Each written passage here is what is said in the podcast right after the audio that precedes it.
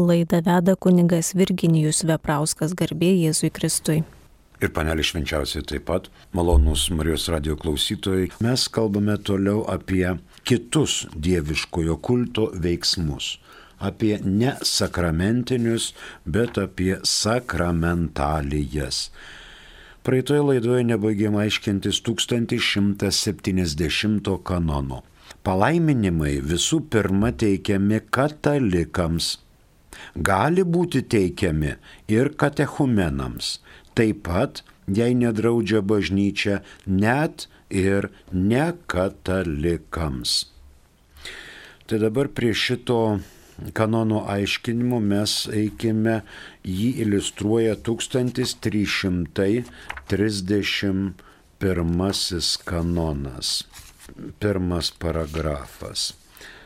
Ekskomunikuotam asmeniui draudžiama bet kokiu būdu dalyvauti tarnystėje, celebruojant Eucharistinę auką ar atliekant bet kokias kitas kulto ceremonijas. Iškia, ekskomunikuotas negali ne tik tai teikti, bet ir priimti sakramentalijų. Antras - celebruoti sakramentus ar sakramentalijas ir priimti sakramentus. Konkretus draudimas 1331. Dar vienas 1332. Užsitraukęs interdiktą asmuo saistomas draudimų, apie kuriuos kalbame čia anksčiau minėtam 1331. Jei interdiktas yra skirtas ar paskelbtas, tada turi būti laikomasi anksčiau girdėto kanono antrojo paragrafo pirmo numerėlio nuostatos. Jei ekskomunika buvo skirta ar paskelbta, norintis veikti prieš pirmo paragrafo pirmo numerilio nuostatas privalo būti iš ten pašalintas arba turi būti nutrauktas liturginis veiksmas, nebent prieštarautų svarbi priežastis. Kalbama net apie liturginio veiksmo nutraukimą ekskomunikuotiems ir interdiktuotiems draudžiami sakramentai, bet ne sakramentalijos. Tačiau dar yra ir 1352. Pirmas paragrafas.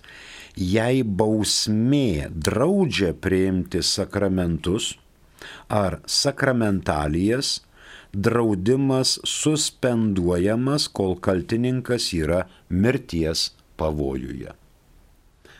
Labai dažnai mes girdime apie tuos mirties pavojus. Jeigu kartais yra mirties pavojus, šitas draudimas suspenduojamas ir jam leidžiama priiminėti ir sakramentus, ir sakramentalijas. Tai nereikia, nereiškia, kad turi būti agonija, tačiau tai yra jau mirties pavojus.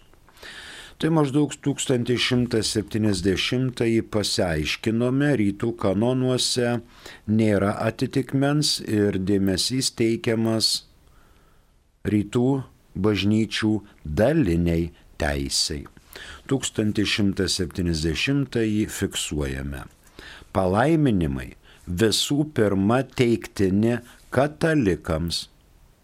Gali būti teikiami ir katechumenams. Taip pat, jei nedraudžia bažnyčia, net ir nekatalikams.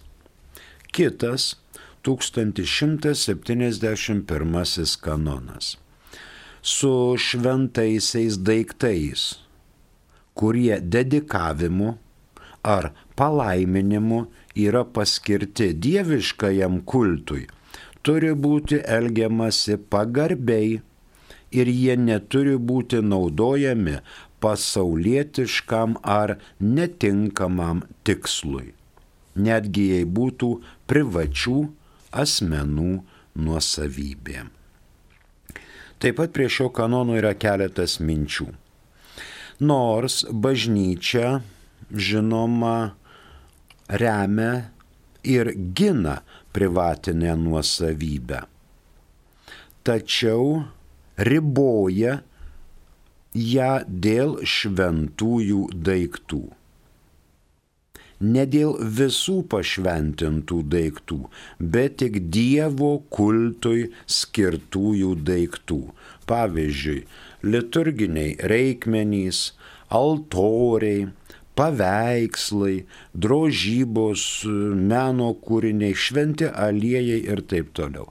Paprašykime dar katalikų bažnyčios katekizmo paskaityti numerėlius.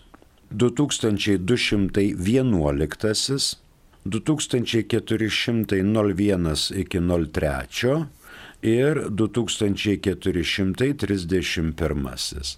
Kai būsit pasiruošę, mielai galėsime išklausyti. Taigi bažnyčia žino, kad gali būti privačiose rankose, pavyzdžiui, paveldas paveldų dalykai, bet jie yra pašventinti. Tačiau viskas turi būti tinkamai naudojama. Mums į pagalbą gali ateiti 300. 397 kanonas. 397 kanonas ordinariniai vyskupo vizitacijai priklauso asmenys, katalikų institucijos, šventi daiktai ir vietos esančios vyskupijos teritorijoje. Dar galime ir antrą perskaityti, antrasis paragrafas. Popiežinės teisės vienuolinių institutų narius bei jų namus vyskupas gali vizituoti tik teisės numatytais atvejais. Dabar prie to 397.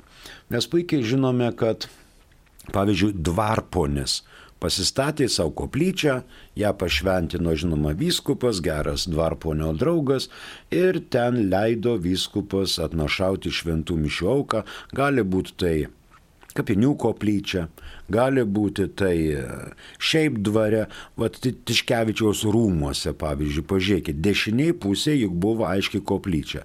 Po šiai dienai niekas dar nesugebėjo atstatyti teisingumo ir virš kupolo pastatyti kryžiaus. Kaži kodėl. Nes tai buvo koplyčia, tai buvo, reiškia, Tiškevičių dvaro maldos vieta. Ir paklausykime šį kanoną. Ordinariniai vyskupo vizitacijai priklauso asmenys, katalikų institucijos, šventi daiktai ir vietos esančios vyskupo teritorijoje.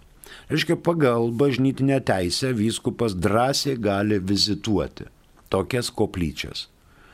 Jos gali būti jau užkaltais langais, jos gali būti mm, nenaudojamos arba sukiužusiais stogais, bet vyskupas privalo žinoti, kas jo vyskupijoje dedasi, kas darosi. Galbūt yra kažkokių tai labai neblogų neblogų dalykų, kurie gali kelti mums kokį tai dėmesį. Gal jaunimas nori pasinaudoti koplyčią, ten naktinę adoraciją daryti, arba giesmės, psalmės gėdoti, gali prašyti vyskupo, kad leistų. Kitas dalykas, kartais jau dabar tokios koplyčios randasi privačiose teritorijose.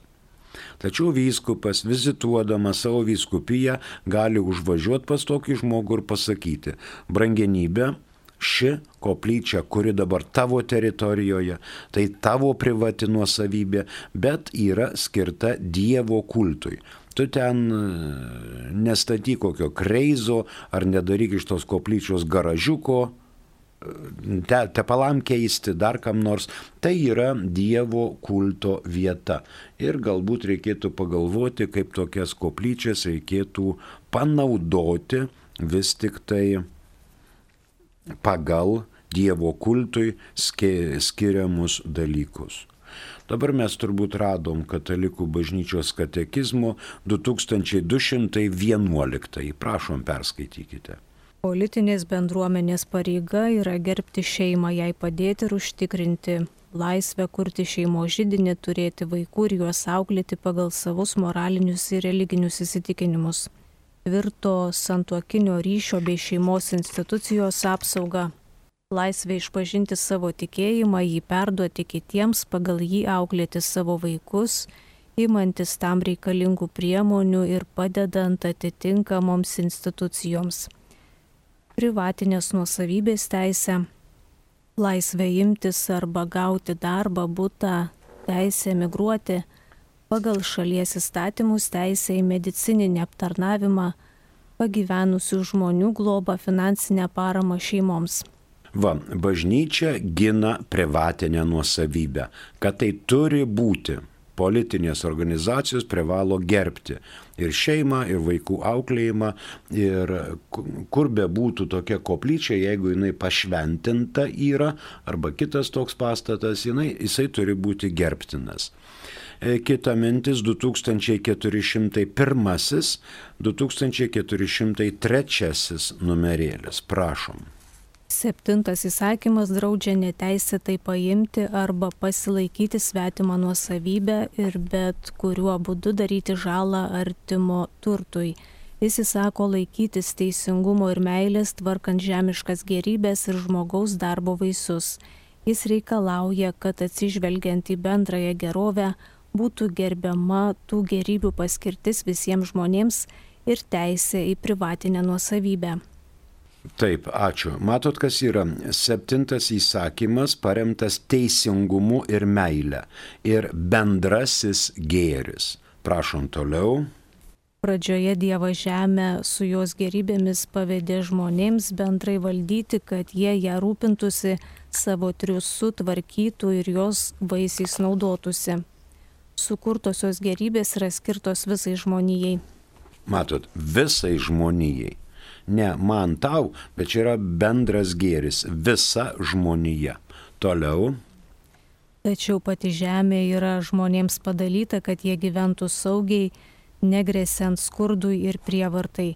Nuosavybės įsigijimas yra pateisinamas, kai juos siekiama užtikrinti žmonių laisvę ir orumą, padėti kiekvienam žmogui tenkinti jo paties pagrindinius poreikius ir jam pavestųjų žmonių reikmes turtinė nuosavybė turi atverti galimybės įgytam žmonių solidarumui pasireikšti. Ačiū. Dabar 2431 numerėlis.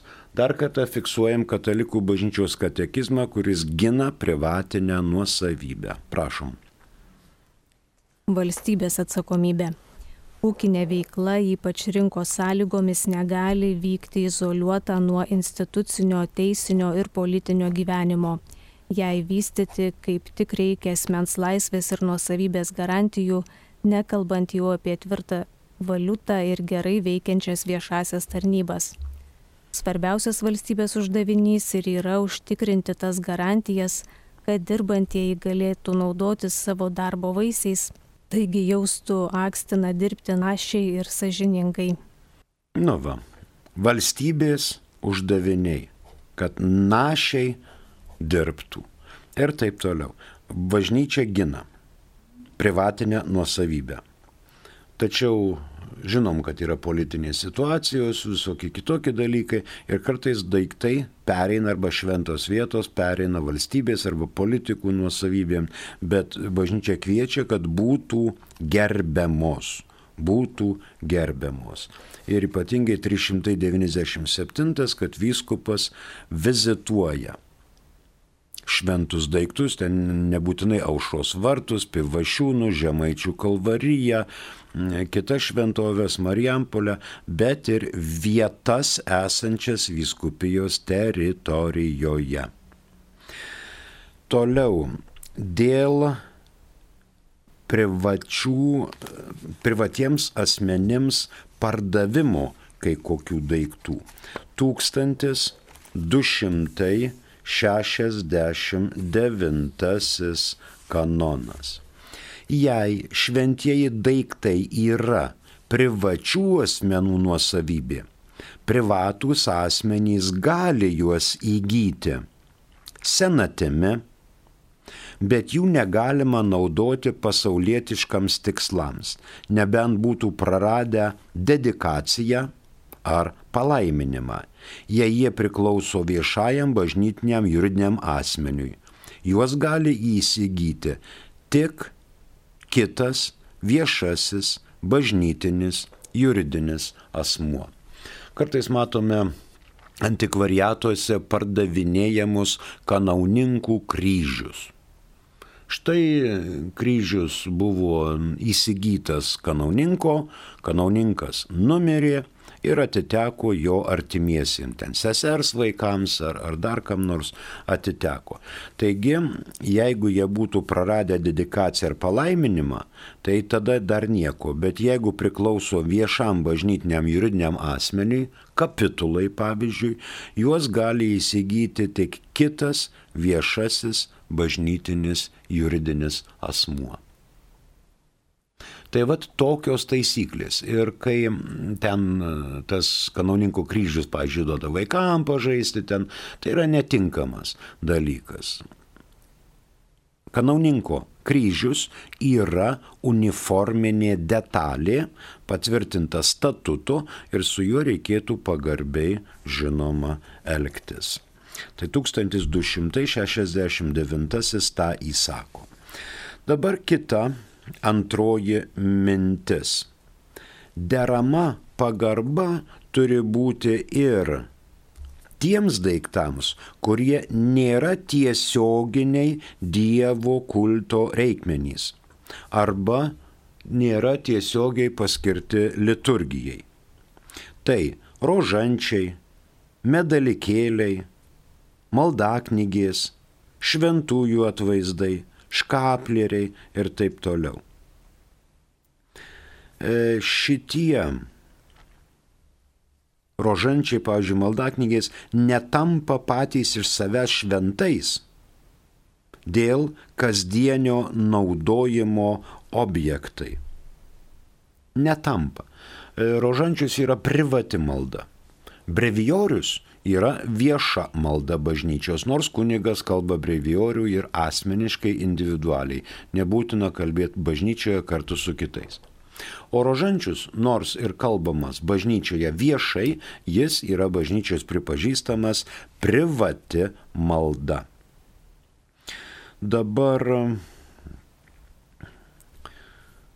galima pasižiūrėti dar 1166. Sakramentalijos yra šventi ženklai, kuriais panašiai kaip sakramentais išreiškiamas poveikis, visų pirma dvasinis ir jis gaunamas bažnyčios užtarimu. Dabar trečia mintis - už išniekinimą šventų dalykų taikoma bausmė mums ateina į pagalbą 1375.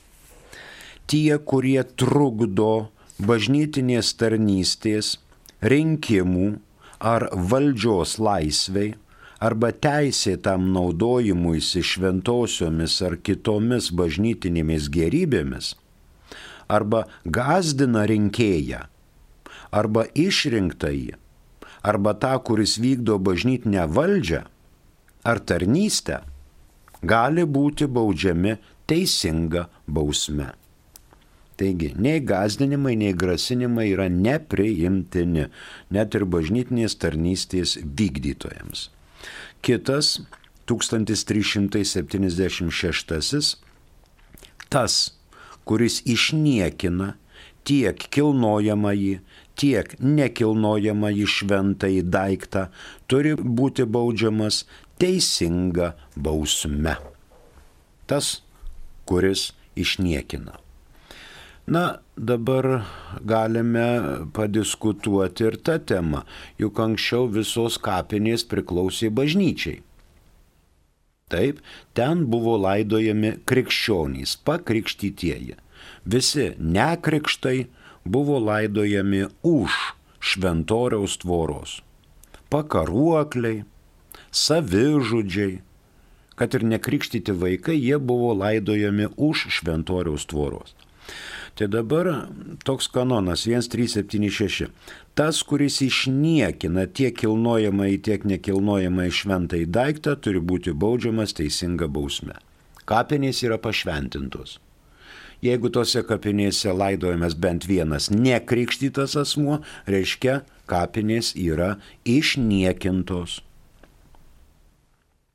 Ir dabar jūs pasakykit, kurios kapinės yra neišniekintos.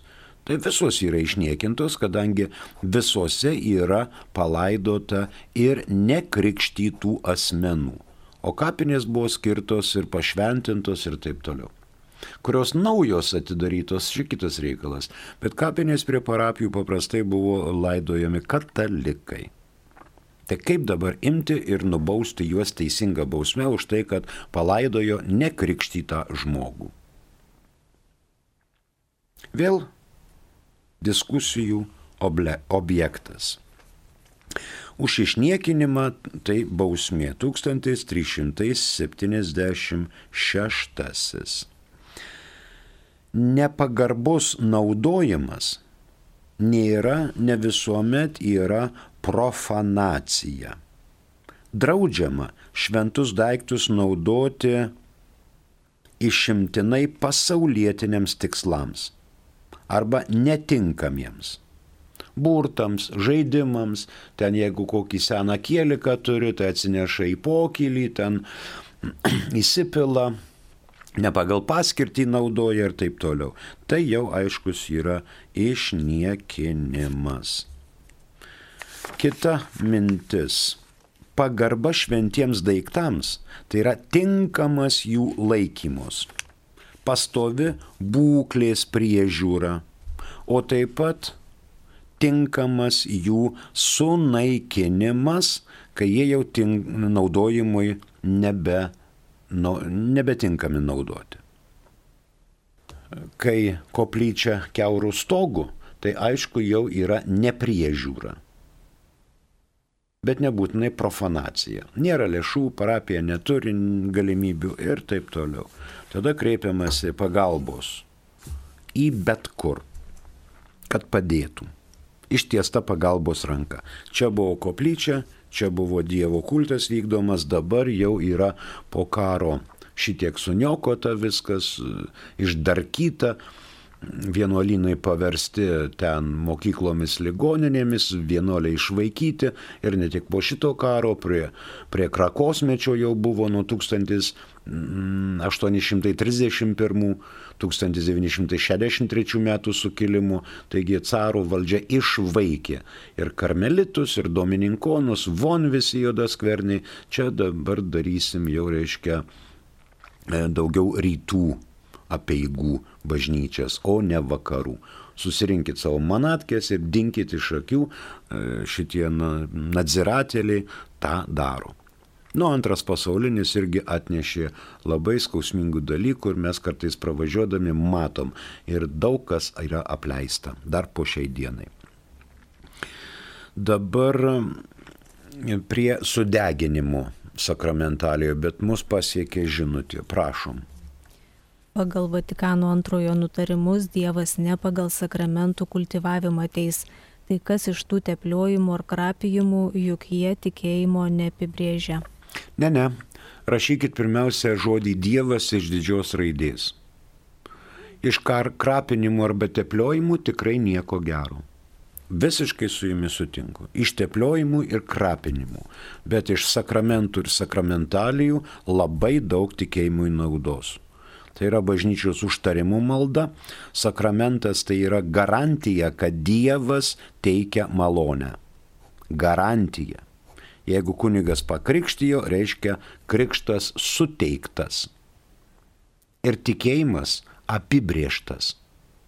Sakramentalija, kaip girdėjote, bažnyčios prašymas. Ir sakramentalija veda į tikėjimą, kuris gaunamas bažnyčios užtarimu. Na dabar apie mm, sakramentalių naikinimus.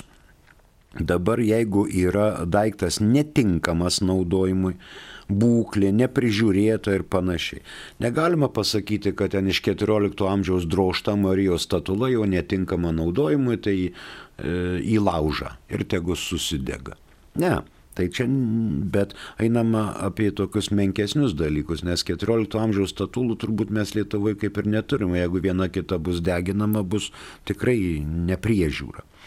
Bet jeigu daiktas netinkamas naudoti, tada jis yra sudeginamas. Kiekviena bažnyčia, senesnė bažnyčia, turėjo už altoriaus taip vadinamą sakrarijumą tai yra po altoriumi arba šalia altoriaus iškasta gili duobė specialiai įrengta ir viršui išeina toksai, nu, gal vamzdis ertmė.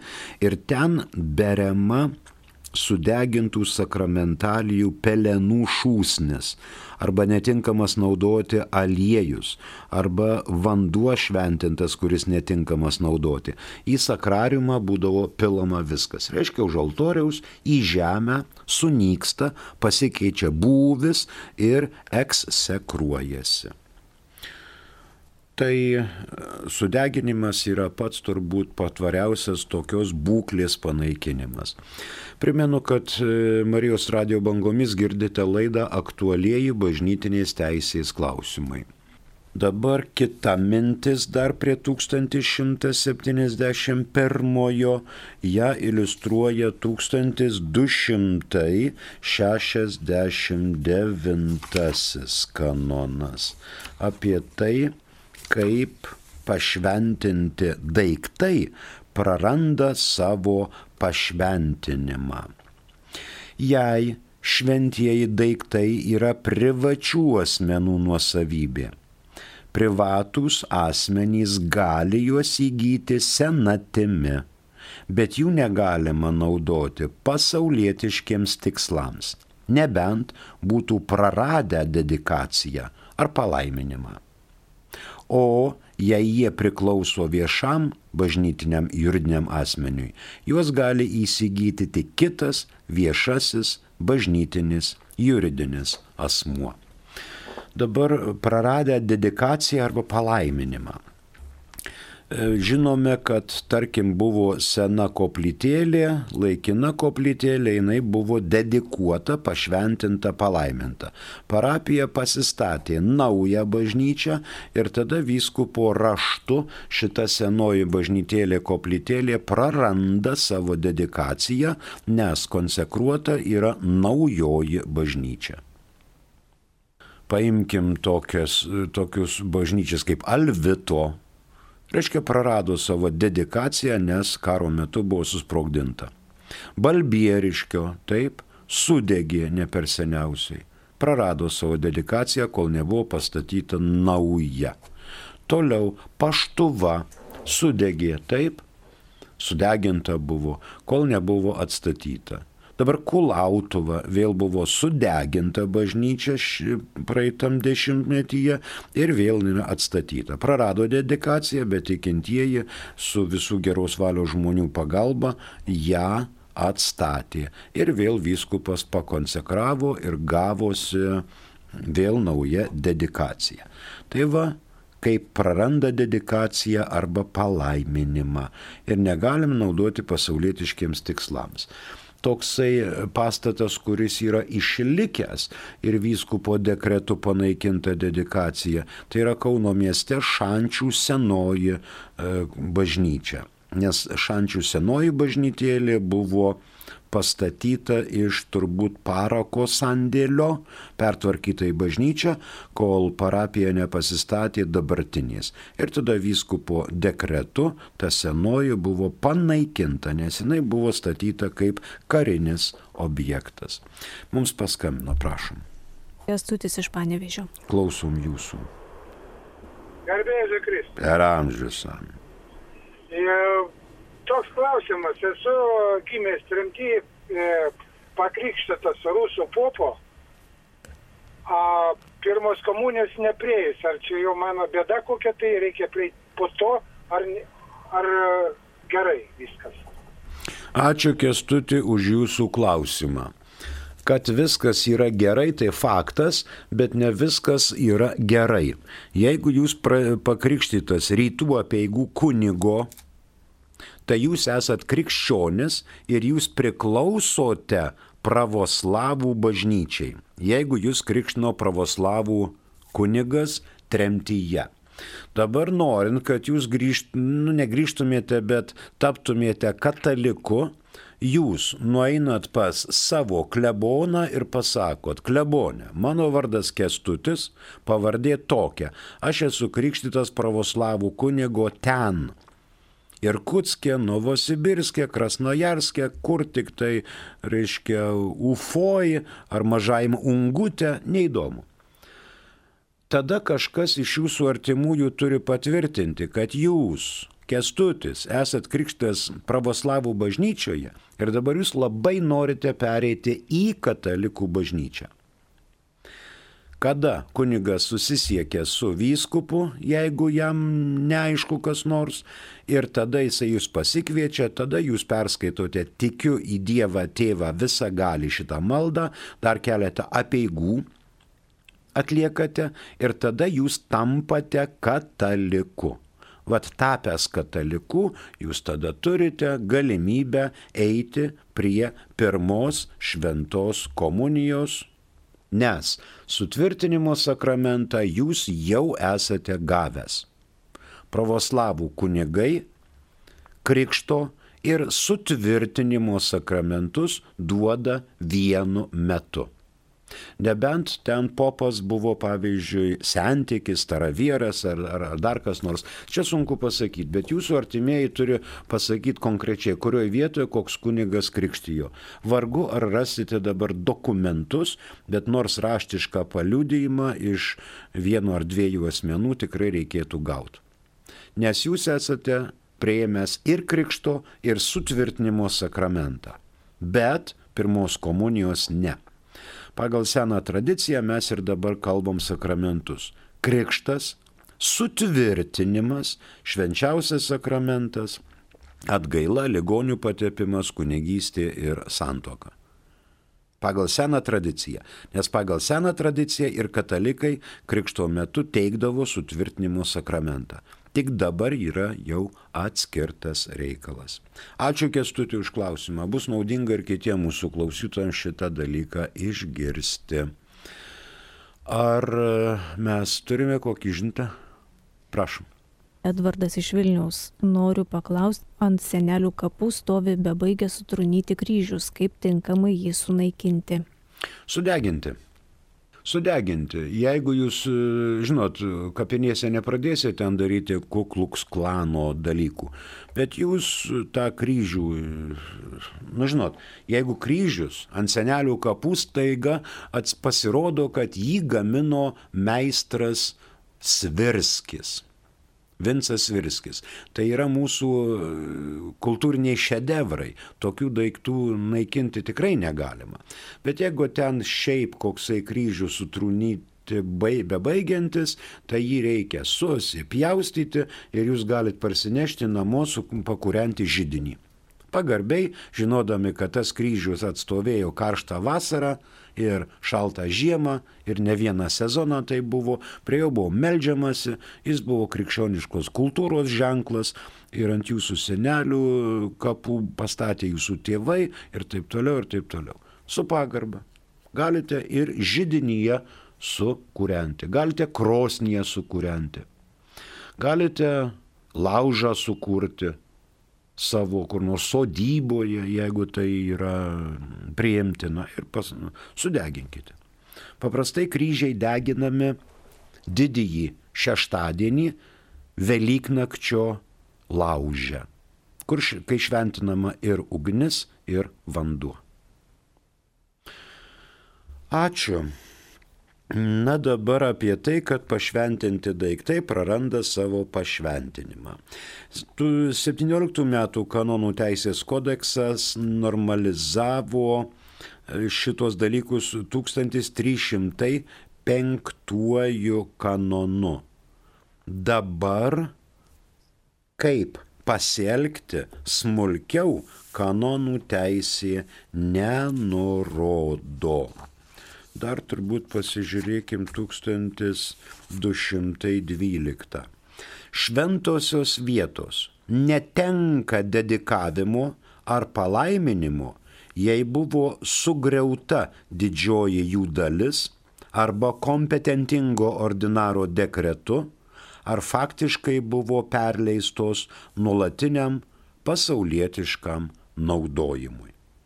Va čia dar 1212.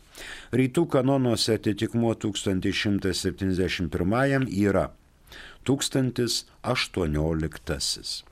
Šį pabaigėm, fiksuojam. Su šventaisiais daiktais, kurie dedikavimu ar palaiminimu yra paskirti dieviškajam kultui, turi būti elgiamasi pagarbiai ir jie neturi būti naudojami pasaulietiškam ar netinkamam tikslui, netgi jei būtų privačių asmenų nuosavybė. Šito ar baigsime, atsisveikinu su jumis, prie mikrofono dirbo kunigas Virginijus Veprauskas. Ačiū ir sudie.